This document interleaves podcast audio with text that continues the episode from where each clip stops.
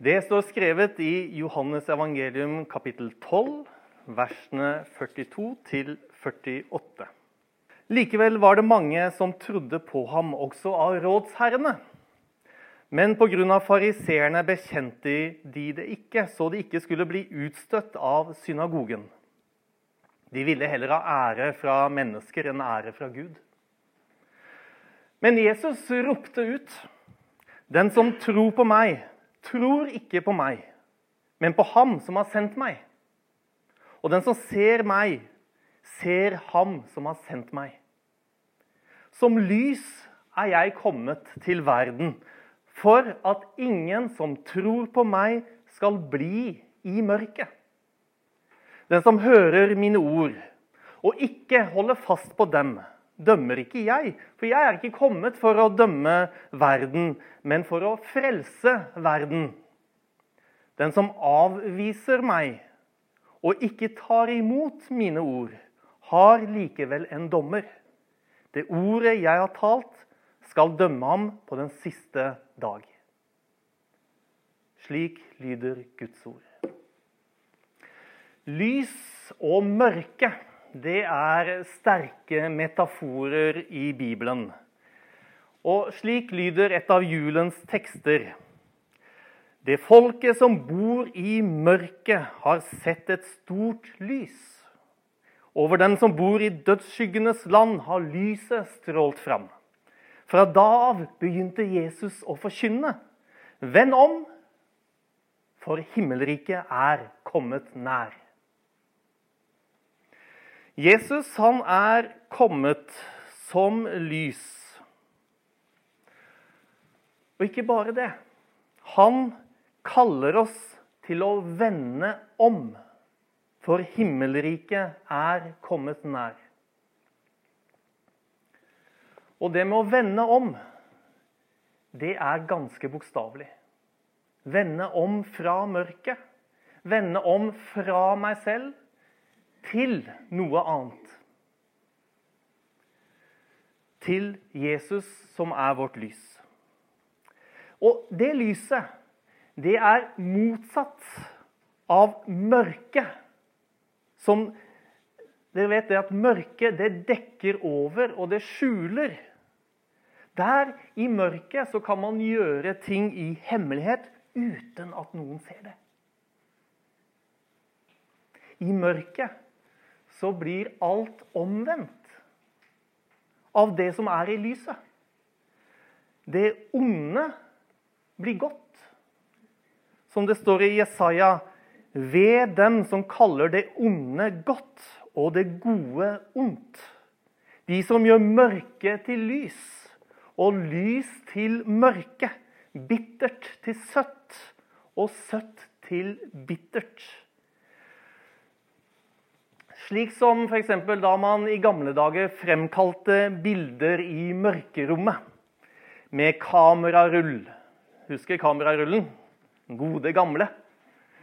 Eh, hvor i mørkerommet, når man skulle fremkalle det, så blir det lyse det blir mørkt, og det mørke blir lyst, som dere ser på veggen der.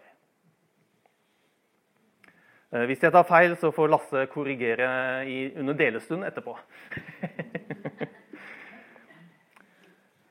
For å ta et eksempel fra de siste års etiske og teologiske debatt, hvor det som var lys før, nå oppfattes som mørkt.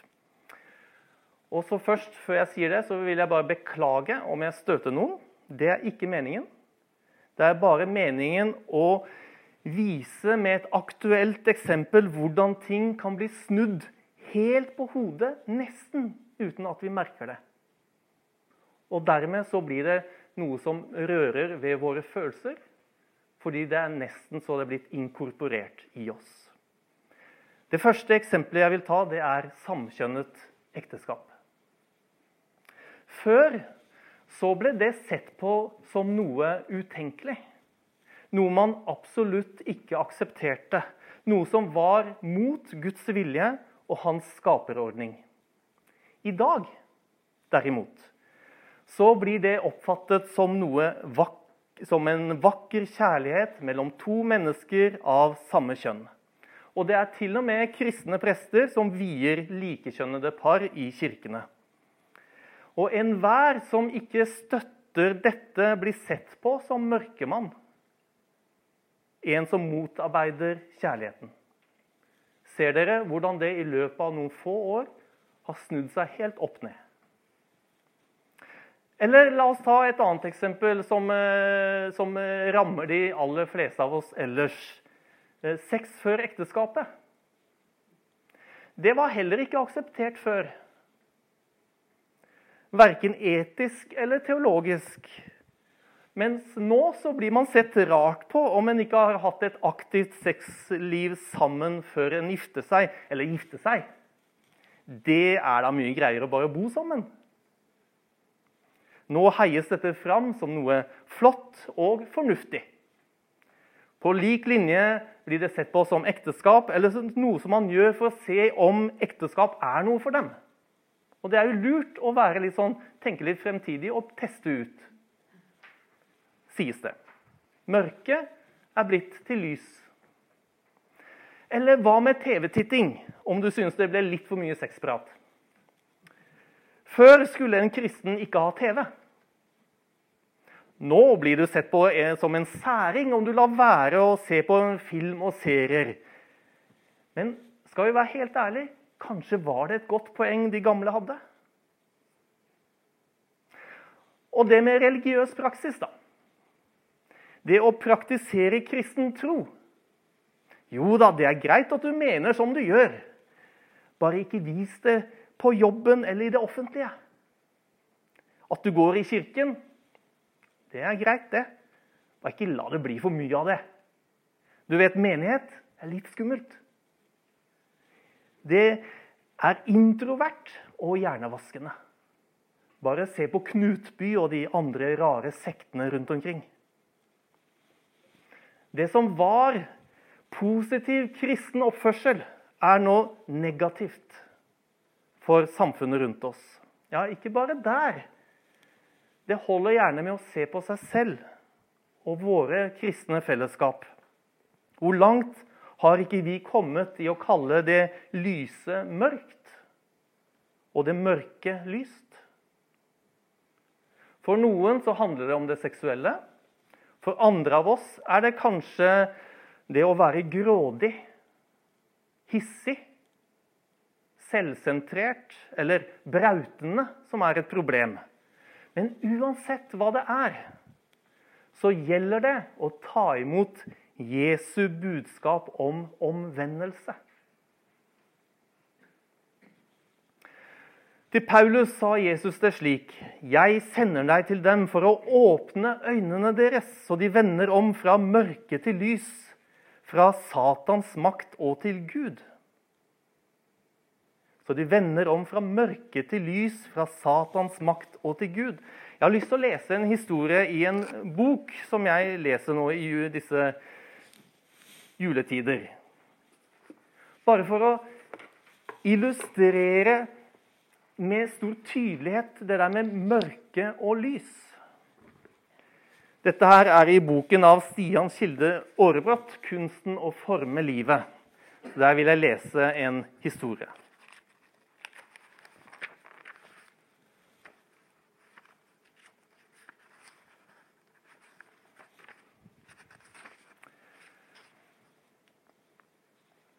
I 1979 møtte den svarte pastoren Wade Watts fribryteren og Ku Klux Klan-lederen Johnny Lee Clary til radiodebatt.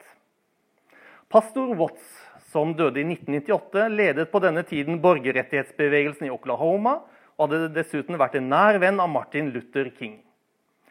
Før radiodebatten startet, gikk Watts bort til Clary og tok ham i hånda. 'Hei, Johnny. Hyggelig å møte deg.' Jeg vil bare si at jeg elsker deg, og Jesus elsker deg også. Clary trakk hånda raskt til seg, som om han hadde brent seg. Klansmenn skulle ikke ha hudkontakt med svarte. Slapp av, Johnny. Det er ikke smittsomt, sa Watts. Clary svarte med å skjelle ham ut etter noter, hvorpå Watts bare reagerte med et 'Gud velsigne deg, Johnny'. Du kan ikke gjøre noe for å få meg til å hate deg. Jeg elsker deg og kommer til å be for deg. Senere møtte Clary og klanen opp foran huset til Watts ved flere anledninger. De dumpet søppel på plenen hans og dukket opp i sine truende kapper og masker. Pastor Watts svarte alltid med humor. 'Gutter, det er ikke halloween nå.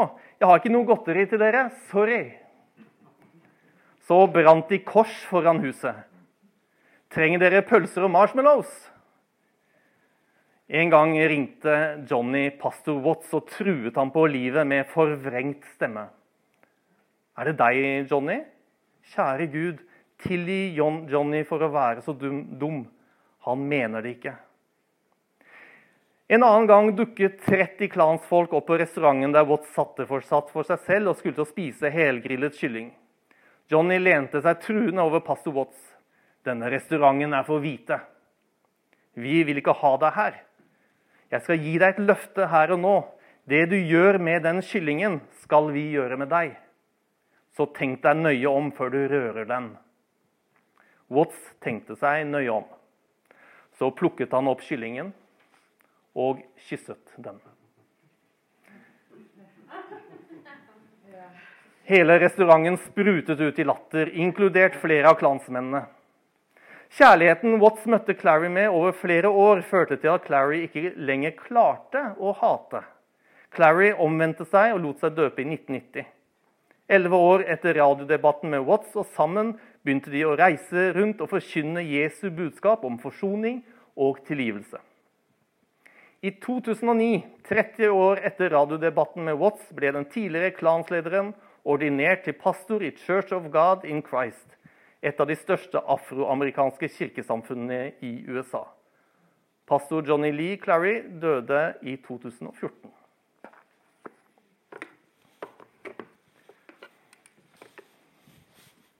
Jeg leste denne historien for å illustrere hvor tydelig det er, det med lys og mørke. Det med at Paulus fikk et kall til å uh, åpne øynene våre. Så vi kan vende om fra mørke til lys. Fra Satans makt og til Gud. Og det gjelder å få åpnet våre øyne. For hvis vi lever i mørket, så hjelp oss å se det, så vi kan vende om til Jesus. Enten det er første gang eller n-te. Enten vi er vanlige norske følge med strømmen-syndere eller amerikanske Ku Klux Klan-syndere. Det gir frigjøring fra mørkets makt, så vi kan være Guds folk. For Kristus ga seg selv for oss, for å løse oss ut fra all urett og rense oss, så vi kan være hans eget folk som i iver gjør gode gjerninger. Når vi omvender oss til Jesus og tar imot ham i nattværen, da blir vi løst fra all urett og renset til å være hans eget folk, som i iver gjør gode gjerninger. I, eh, på Evangeliesenteret der jeg jobbet som 20-åring, eh, der visste de hva det ville si å bli løst. For der snakket de mye om å bli løst. Å bli løst fra alkohol og narkotika. Og hva betød det å bli løst fra alkohol og narkotika? Jo, det betød at de stoffene ikke lenger hadde makt over dem. Alkohol og narkotika kunne ikke lenger styre dem. Og det er det Jesus kaller oss til. Til å bli løst ut fra all urett for sånn at vi kan være hans folk. Løst fra mørke til lys. I Efeserne står det en gang var dere selv mørke, men nå, i Herren, er dere lys. Lev da som lysets barn. Lysets frukt er all godhet, rettferd og sannhet. Dette med å bli løst ut og det å være et lysets barn, det er umulig for oss Men det er derfor Jesus kom. Som lys er jeg kommet til verden for at ingen som tror på meg, skal bli i mørket. Og det er ikke en engangshandling. Det er mange som tror det. Jeg, jeg ble døpt da jeg var ganske liten. Eller da jeg ble konfirmert, så, så bekjente jeg meg til troen. Ja, men så da? Hva skjedde etterpå det?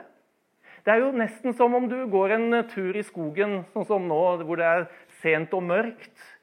Og har på deg hodelykten ute på skogen, og så ser du så godt. Ja, nå ser jeg godt. Nå legger jeg fra meg hodelykten, og så går jeg videre.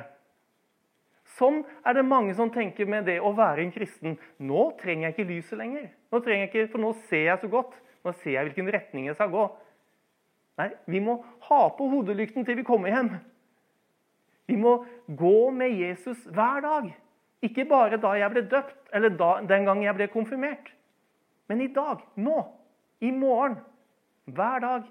Gå med Jesus, leve i lyset, vandre i lyset, liksom han er lys.